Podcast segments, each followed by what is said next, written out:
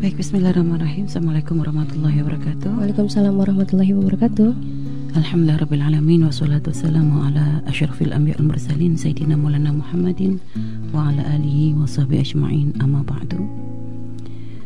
Sahabat radioku yang dimuliakan Allah di mana pun Anda berada Semoga Allah senantiasa menambahkan ketaatan pada diri kita Amin. Memudahkan segala urusan dunia dan akhirat kita Amin. Dan membukakan segala pintu kebaikan di dunia Mukaddimah kebaikan kelak di akhirat Amin ya rabbal alamin. Baik, pada pertemuan kita kali ini kita akan mengangkat satu tema tentang self love ya. Yang secara makna ini mem- eh, yaitu mencintai diri sendiri Mhm. ya. Satu istilah yang dibuat yang di situ me- ketika kami sendiri ya membaca tentang maksud self love itu seperti apa. Hmm. Ya di situ tujuannya ya bukan untuk bukan dalam dalam dalam ini ya dalam tulisan tentang self love di situ Mhm. ya menunjukkan bahwa self love itu bukan berarti kita egois. Mhm. Hanya ada beberapa poin yang ingin eh, ditanamkan dengan ma- da- dari maksud dari apa mana self love sendiri itu. Jadi yang pertama adalah eh, menerima dengan sadar akan apa ya maksud dalam bahwa setiap kondisi atau menerima eh, kejadian yang pada diri yang terjadi pada diri kita Mhm. itu ya akhirnya di situ jangan sampai kita menyerah Mhm. begitu Eh, artinya tidak gampang kita itu lemah dengan ujian yang diberikan oleh Allah artinya harus menjadikan bagaimana dengan mencintai diri sendiri itu kita itu harus sadar ya dan bahwasanya apa yang terjadi pada diri kita ini Mhm. eh, akan ada kebaikan di balik itu gitu Ya. yang kedua eh, self love sendiri ya disebut di dalam tulisan tentang self love itu ya maksudnya mencintai diri sendiri itu belajar menerima kekurangan dan kelebihan Mhm. yang ada pada diri kita yang lebih disyukuri yang kurang jangan di menjadikan kita tuh menjadi orang yang rendah diri Mhm. itu lalu juga eh, self love sendiri di situ mengajarkan bagaimana agar orang itu ya melakukan sesuatu yang disukainya gitu ya Eh, untuk menghibur diri sendiri gitu ya untuk menghibur diri sendiri terus di situ juga self love juga punya punya tujuan jika kita memahami makna love itu ya berarti kita akan mencintai diri sendiri dengan cara merawat tubuh Mhm. menjaga asupan makanan, menjaga kesehatan Ya. gitu. Dan juga eh, inti dari self love itu ya intinya adalah bersyukur. Baik, sekarang kita coba sambungkan yang dimaksud dengan self love di sini yang ditulis oleh beberapa orang tentang makna self love dan apa yang tergantung di dalamnya. Mhm. Lalu kita sambungkan dengan ajarannya Nabi Muhammad SAW. Kalau masalah mencintai ya subhanallah tidak ada syariat yang bisa mengalahkan tidak ada agama yang bisa mengalahkan syariatnya Nabi Muhammad SAW dalam urusan mencintai. Mhm. Apakah itu mencintai diri sendiri, mencintai dari mulai ya mencintai Allah, Mhm. mencintai Rasulullah, mencintai orang tua, mencintai diri sendiri, mencintai sesama manusia. Mhm. Tidak ada ajaran yang sekomplit Islam di dalam menjelaskan itu semua. Urusan bagaimana kita mencintai Allah, pembahasan panjang ya. Urusan Rasulullah, lalu mencintai orang tua itu benar-benar bahkan untuk urusan orang tua itu benar-benar sangat diwanti-wanti Mhm. eh, oleh Allah gitu ya di dalam Al-Qur'an. Lalu mencintai eh, apa? orang lain juga gitu ya, mencintai orang lain. Dan itu semua gitu ya di saat kita berusaha untuk mencintai Allah Rasulullah orang tua dan juga mencintai sesama hamba Allah. Itu sendiri punya makna bahwa kita itu sebenarnya mencintai diri kita sendiri. Mhm. karena cinta kita kepada Allah cinta kita kepada Nabi cinta kita kepada orang tua cinta kita kepada sesama manusia itu akan menghantarkan sangat banyak kebaikan untuk kita kan gitu. Artinya di saat kita memberikan kebaikan untuk kita ya berarti kita telah berbuat baik kepada diri sendiri dan tandanya itu adalah kita cinta pada diri kita. Jadi makna apa yang tadi disebut ya, yang kami baca dari apa yang ditulis tentang makna self love, ini semuanya sudah dibahas di dalam syariatnya Nabi Muhammad SAW. Jika dikatakan eh, masalah love ini adalah satu rasa itu agar kita menerima dengan keadaan yang terjadi pada diri kita. Oh ini syariat sangat mengajarkan. Mhm. Syariat Nabi Muhammad mengajarkan kita untuk di dalam menjalani kehidupan di- ditanamkan yang namanya rasa sabar. Mhm. Ya, rasa sabar itu apa sih gitu kan? Sabar itu kan di saat eh, sabar kan di dalam syariat kita diajarkan bahwa sabar itu dibagi menjadi tiga kan. Sabar di dalam ketika ketika kita menjalankan eh, syariat Nabi Muhammad SAW yang tentu banyak eh, berat untuk dilakukan oleh sebagian orang gitu ya. Lalu sabar di dalam menjauhkan diri dari segala kemaksiatan. Nah, setelah itu apalagi sabar dalam menjalani ujian yang diberikan oleh Allah kepada kita. Lihat, itu kan makna mencintai diri sendiri. Di saat kita bersabar menjalankan syariat, ya, di saat ada banyak orang meninggalkan sholat, kita berusaha terus untuk tidak pernah meninggalkan sholat. Di saat ada banyak orang begitu berat untuk menutup aurat, kita belajar bagaimana terus kita menjaga aurat. Mhm. Ya, terus seperti itu kan kesabaran. Dan itu sebenarnya maknanya apa? Sabar dalam menjalankan syariat itu sebenarnya mencintai diri sendiri. Mhm. Karena di balik kesabaran kita dalam menjalankan syariat itu akan membawa banyak kebaikan untuk kita di dunia dan juga di akhirat. Lalu sabar dalam menjauhkan diri dari segala kemaksiatan. Mhm. Yang namanya maksiat itu setelah diakui oleh manusia, bahwa yang namanya maksiat itu adalah akan menyebabkan kerugian. Coba Mhm. syariat Nabi Muhammad tidak pernah menghalangi sesuatu, tidak pernah mengharamkan sesuatu kecuali memang ada mudarat di dalamnya. Mhm. Ketika Allah melarang kita untuk wala taqrabu zina, jangan dekati zina. Allah tahu di balik perzinahan ada banyak kerusakan yang nanti akan terjadi. Berapa banyak kadang ada seorang wanita putus asa hanya karena melakukan zina lalu ditinggal oleh kekasihnya. Mhm. Berapa banyak terjadinya hamil di luar nikah gara-gara hubungan zina yang nanti akibatnya apa? Yang mendapat akibat adalah anak si wanita dan si anak. Lihat, sehingga akhirnya nanti anak direndahkan oleh orang, sehingga akhirnya dia pun membuat kerusakan yang sama terus lihat kerusakannya. Belum lagi direndahkan oleh masyarakat lihat. Keakan Nah ini kalau sebenarnya ketika ada orang sabar dalam menjalankan dalam menjauhi diri dari segala kemaksiatan, Mhm. sebenarnya ya itu adalah tanda dia mencintai dirinya sendiri. Ya. Tanda dia mencintai diri sendiri dengan men- menjauhkan diri dari segala kemaksiatan yang akan membawa mudorot baginya, bukan hanya di akhirat tapi juga mukaddimahnya di dunia. Mhm. Coba mana kejahatan yang tidak membawa mudarat? Di dalam Islam kita diajarkan itu semua melawan hawa nafsu Mhm. Yang selalu mengajak kepada kebaikan dipahamkan kita Mhm. bahwa kadang yang membawa menjadi sebab seseorang bermaksiat itu ada tiga hal. Yang pertama adalah hawa nafsu yang terus ya membisikkan. Ini yang paling berat ini melawan hawa nafsu. Mhm. Sampai dikatakan jihad yang paling berat itu bukan jihad perang, tapi jihad li mukhalafatil hawa. Jihad untuk melawan hawa nafsu berat. Karena hawa nafsu kita ini subhanallah selalu ada bisikan untuk kita tuh kadang. Ya aja hawa nafsu kita tuh ngajak lagi sholat bikin males. Mhm. mau bangun malam susah. Mau sodakoh sayang kan gitu. Mhm. jadi kadang ada kerinduan ada kadang ngelihat subhanallah mungkin seorang laki wanita melihat lawan jenis. Ada setrumnya kan gitu. Eh, ini kan dari hawa nafsu kita. Mhm. belum lagi ada nanti godaan setan yang terkutuk. Lihat menjadikan seorang bermaksiat kan hawa nafsu. Tambah lagi dengan bisikan setan. Sudah ada hawa nafsunya dikompori lagi oleh setan. Lihat. Mhm. semakin orang kadang begitu gampangnya terpeleset belum lagi apa? Teman yang tidak baik. Karena teman tuh pengaruhnya gede. Ada Mhm. orang baik ya gara-gara kumpul sama teman yang nggak baik ketularan dia. Ya. Jadi lihat ini makanya menjauhkan diri dari segala kemaksiatan benar-benar mempunyai makna. Kita tuh sangat mencintai diri kita. Karena kita nggak mau kalau kita akan akan eh, apa menjadi rendah menjadi hina apakah di dunia atau di akhirat. Karena semua kegiatan coba mencuri berjudi mabuk dan sebagainya. Semuanya itu akan bom mudarat.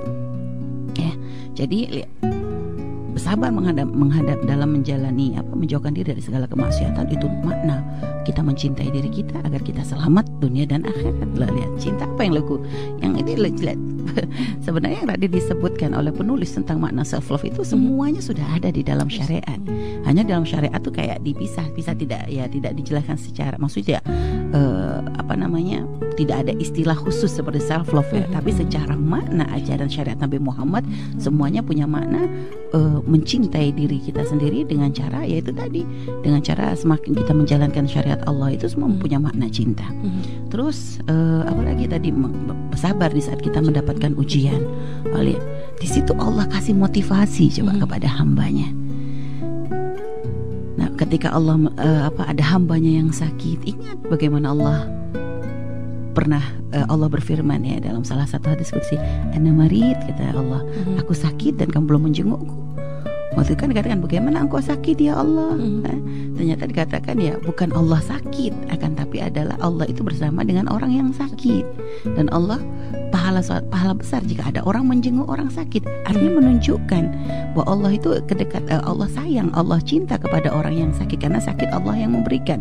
Apalagi di saat dia sabar dengan sakitnya oh ini Allah sangat cinta kepada hamba tersebut.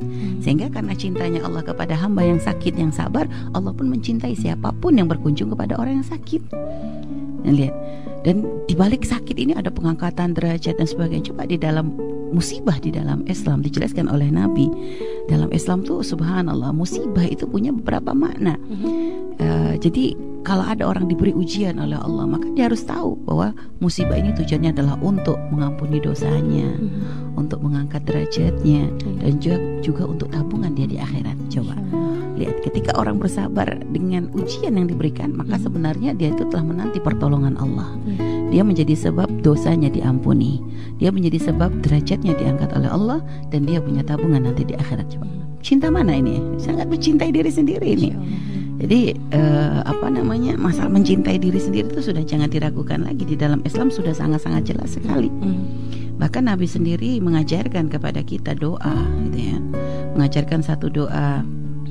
Eh, Sayyidina Umar pernah meminta, Sayyidina Abu Bakar pernah eh, meminta kepada Nabi Muhammad SAW, alimni doa at'u bihi fi solati ya Rasulullah ajari aku doa yang bisa aku baca di dalam solatku. Mhm. Lalu apa yang diajarkan oleh Nabi? Kul Allahumma zalamtu nafsi zulman kathira. Ya Allah, aku telah berbuat zalim kepada diriku dengan kezaliman yang banyak. Mhm.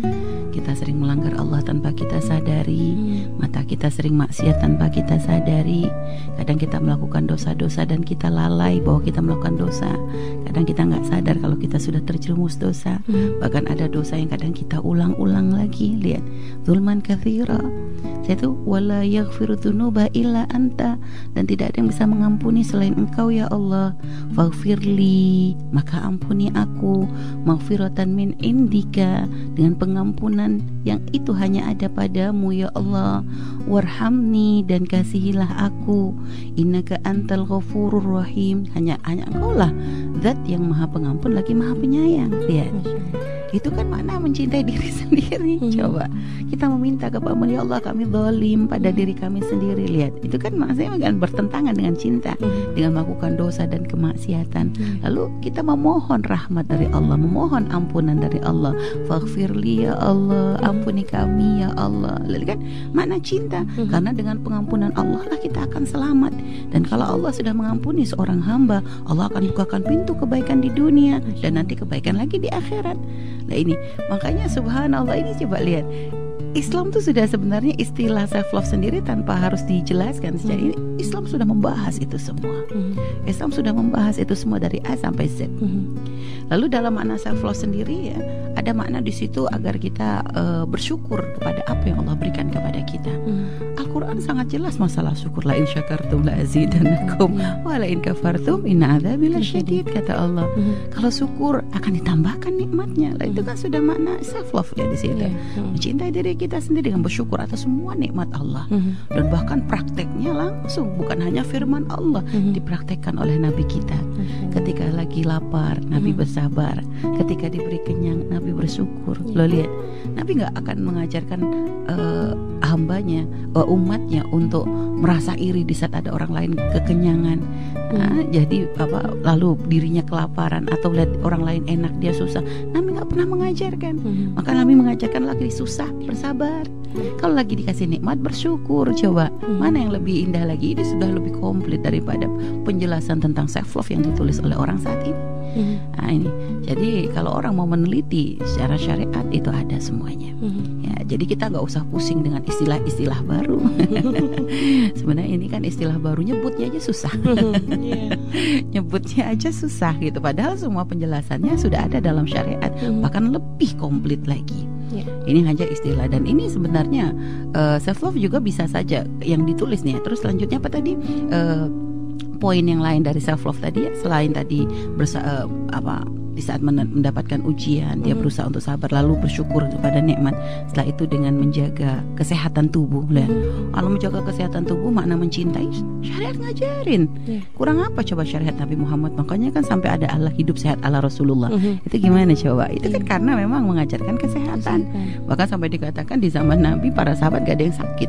Sampai ada seorang raja dari negeri Mesir atau dari mana mengirimkan seorang dokter untuk tinggal di kota Madinah dia sampai pusing jadi pengangguran. Karena jarang ada orang sakit Iya. Nah, karena ya Nabi dikatakan oleh para sahabat ya gimana Wong Nabi sudah mengajarkan hidup sehat Mhm. kami tidak makan kecuali kami lapar dan ketika kami makan kami nggak kenyang-kenyang loh itu kan cara menanamkan kesehatan Iya.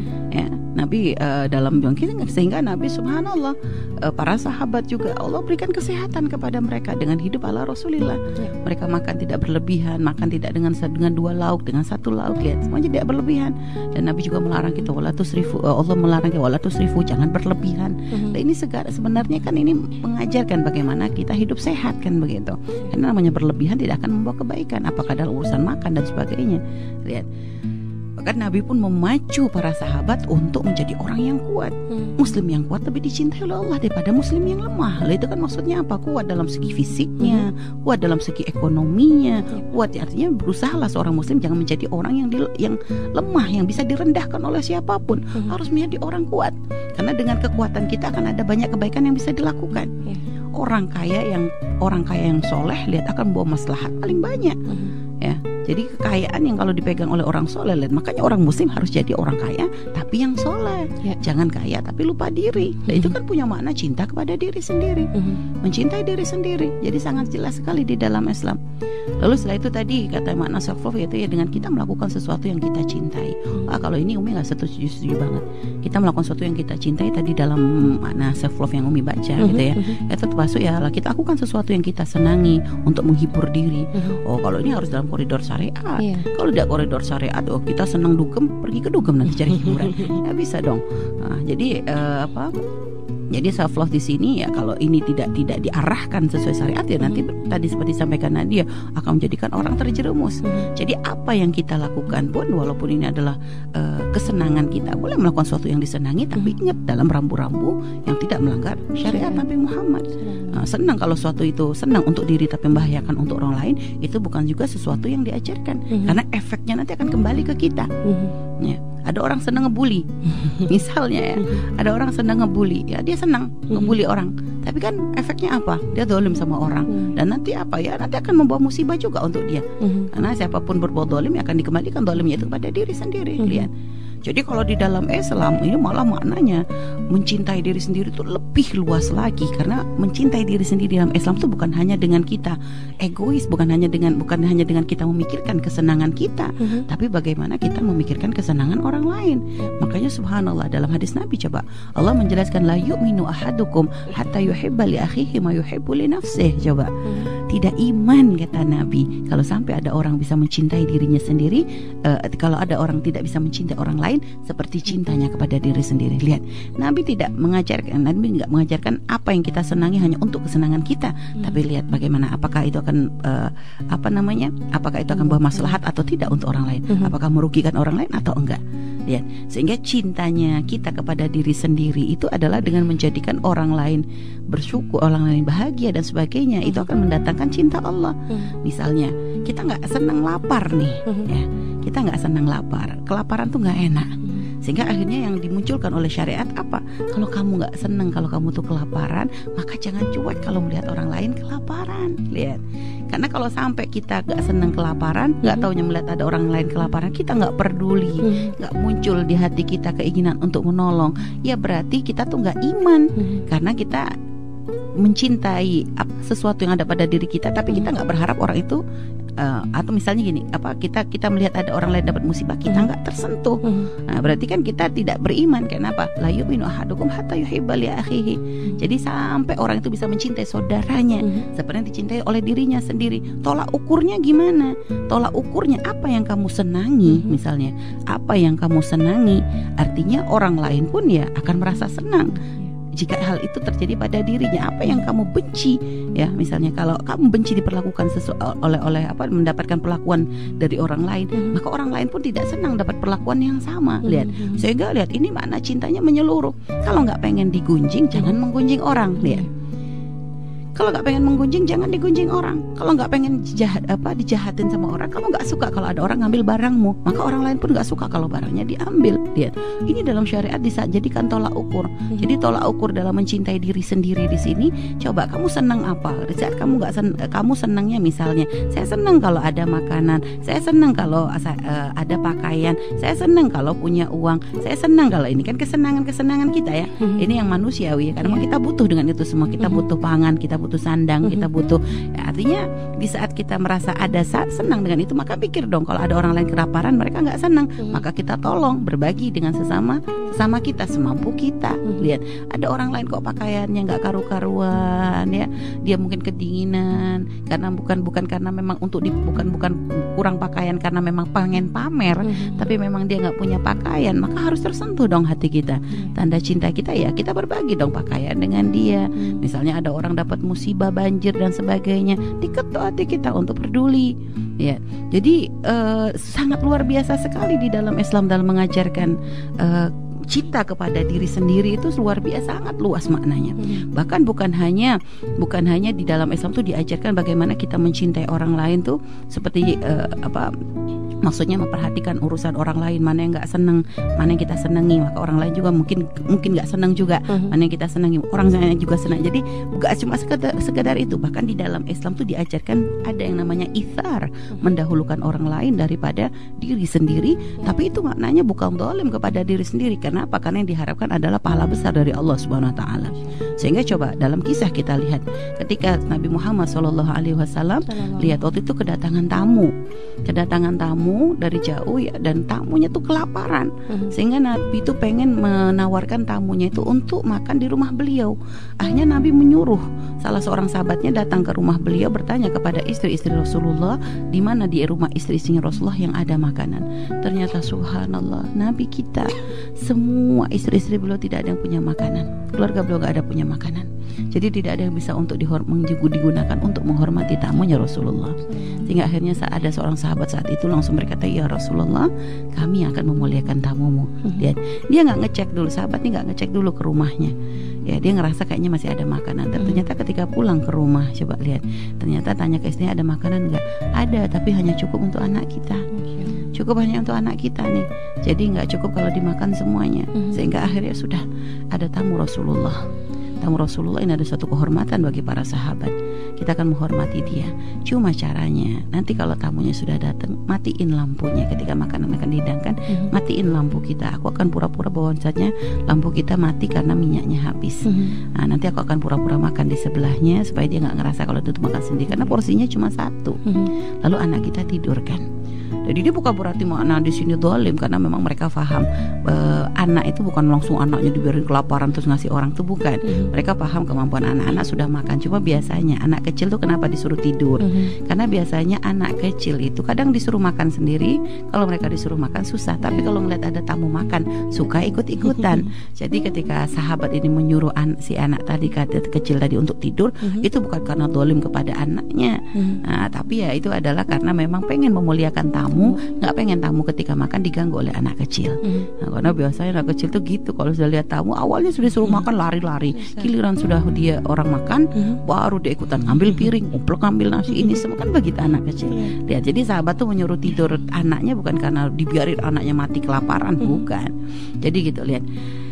Subhanallah ithar, lihat mendahulukan orang lain, dia padahal beliau sendiri dan istrinya tidak makan, Mhm. anaknya pun dia ditidurkan tadi ya, artinya ya mungkin makan sudah sudah makan tadi, ya untuk sudah cukup lah kalau untuk untuk makan. Paling besok lagi untuk untuk berpikir, tapi kan artinya lihat ini kayaknya secara sisi kayaknya dolim banget nih sama padahal sebenarnya dia mendatangkan pertolongan Allah yang luar biasa.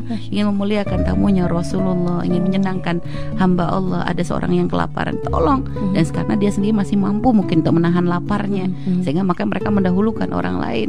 Nah ini ithar. Ini makna mencintai diri sendiri yang luar biasa. Karena mendatangkan mendatangkan rahmat Allah yang sangat besar kepada Mhm. kepada dirinya dan keluarganya. Ya. Begitu juga dilakukan oleh Sayyidah Fatimah, lagi ngidam delima Mhm. ya, nggak taunya nyampe di jalan eh, Imam Ali pergi ke pasar pengen Mhm. beli delima, eh dicegat ada orang fakir kelaparan, diberikan delima itu kepada kepada si orang fakir tadi. Karena kalau Sayyidah Fatimah delimanya karena karena ngidam, Ngidam. eh, eh, bukan karena kelaparan, Mhm. tapi kalau yang fakir karena kelaparan. Dan Imam Ali ketika cerita kepada Sayyidah Fatimah apa marah? Enggak, malah senang banget Sayyidah Fatimah lihat. Ithar mendahulukan urusan orang lain. Bahkan bagaimana kisah dalam peperangan Uhud ya. Mhm. Ada seorang sahabat yang subhanallah ketika dicari oleh keluarganya ternyata dalam keadaan sudah sekarat, pengen dikasih minum nggak taunya dengar sebelahnya ada yang merintih. Berikan dulu ke sebelah sepertinya lebih butuh. Kasih ke sebelahnya mau dikasih minum, dengar lagi merintih sebelahnya. Berikan ke yang sebelah sepertinya lebih butuh. Pergi ke yang ujung ternyata sudah meninggal. Datang yang kedua sudah meninggal. Datang yang pertama tadi sudah meninggal juga lihat. Ithar dalam keadaan mereka memikirkan urusan orang lain dan ini bukan bukan bunuh diri. Mereka merasa dirinya sanggup ternyata tidak bisa bertahan kan Mhm. gitu. Mhm. Jadi yang ini merasa dirinya sanggup bertahan itu lebih butuh. Jadi mikirin orang lain. Lihat, ini makna mencintai diri sendiri sebenarnya yang sangat luar biasa karena itu mendatangkan rahmat dari Allah yang sangat besar. Jadi dalam Al-Qur'an dipuji, mereka mendahulukan urusan orang lain Mhm. padahal mereka sendiri ada kebutuhan. Lihat. Jadi sampai sebegitunya dipikirkan masalah mencintai diri sendiri dalam Islam. Belum lagi hadis Nabi Muhammad SAW menjelaskan tentang bagaimana kita mencintai diri sendiri dengan apa. Nabi bersabda, "Kullu sulama ya minan nasi ya eh, apa? Kullu sulama minan nasi alaihi sadaqah." Setiap ruas di dalam tubuh manusia itu ada hak sedekahnya ya. Terus apa? Kullu yaumin tatlu fihi syamsu ta'dilu bainatnaini sadaqah. Di saat ketika matahari terbit kamu mendamaikan dua orang itu sedekah. Mhm. Waktu inu rajulu fi dabati fatahmilu 'alaiha aw tarfa'ulahu 'alaiha mata'u sadaqah.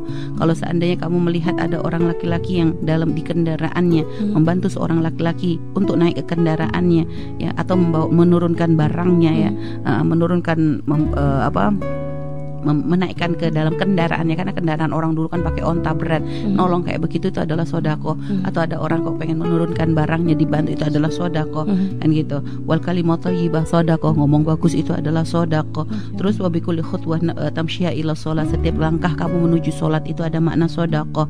Terus apa lagi? Waktu mitul ada anitarik sodako. Dan di saat kamu menghilangkan sesuatu yang membahayakan dari jalan itu sodako kenapa maksudnya ini sodako? Ini kan maksud sodako Ini maksudnya sodako tubuh kita Mhm. Setiap anggota tubuh kita ini butuh untuk melakukan kebaikan Itu adalah bentuk sodako kita kepada tubuh Kan sodako kan kalau kita fahami kadang gini Kita saya bersodako kepada orang fakir Mhm. Artinya saya memberikan bantuan kepada orang fakir untuk membahagiakan dia untuk apakah itu urusan makan atau apa Mhm. kan gitu. Sodako Ya. menyenangkan kepada orang fakir, Hmm. menyenangkan dengan sesuatu yang memang dibutuhkan. Nah, tubuh kita nih ternyata Nabi ketika mengajari tubuh kita butuh sodako. Kenapa? Karena semua yang ada pada tubuh kita ini akan dipertanggungjawabkan di hadapan Allah. Sehingga harus ada dong kebaikan apa yang kita lakukan. Kita nolong orang, mendamaikan dua orang itu sodako karena kita mencari pahala Allah. Karena itu pahala yang sangat besar dengan mendamaikan dua orang. Lalu setelah itu dengan kita tadi eh, apa namanya? Eh, amar ma'ruf nahi mungkar itu juga sodako.